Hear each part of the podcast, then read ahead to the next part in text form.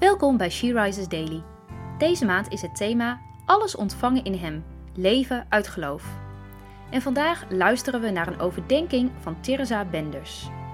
We lezen uit de Bijbel 2 Petrus 1 vers 6. Aan de kennis, zelfbeheersing, aan de zelfbeheersing volharding, aan de volharding godsvrucht.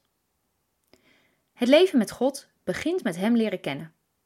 Als je Hem vraagt om in je hart te wonen, gaat Zijn Heilige Geest in je werken en mag je steeds meer op Jezus gaan lijken. Dat betekent dat je verandert van binnenuit.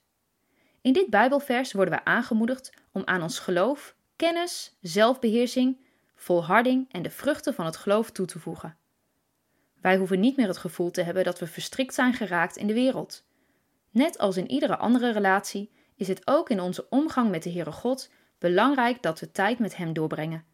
Dat we investeren in de band die we met Hem hebben.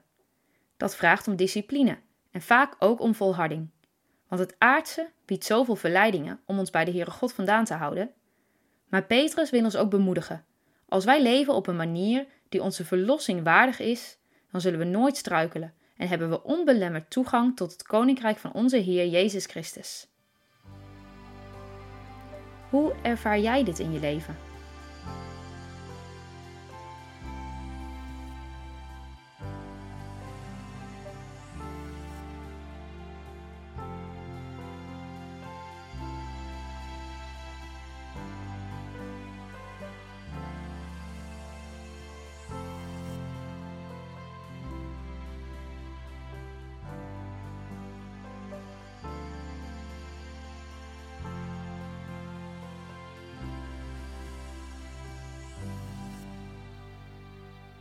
Laten we samen bidden.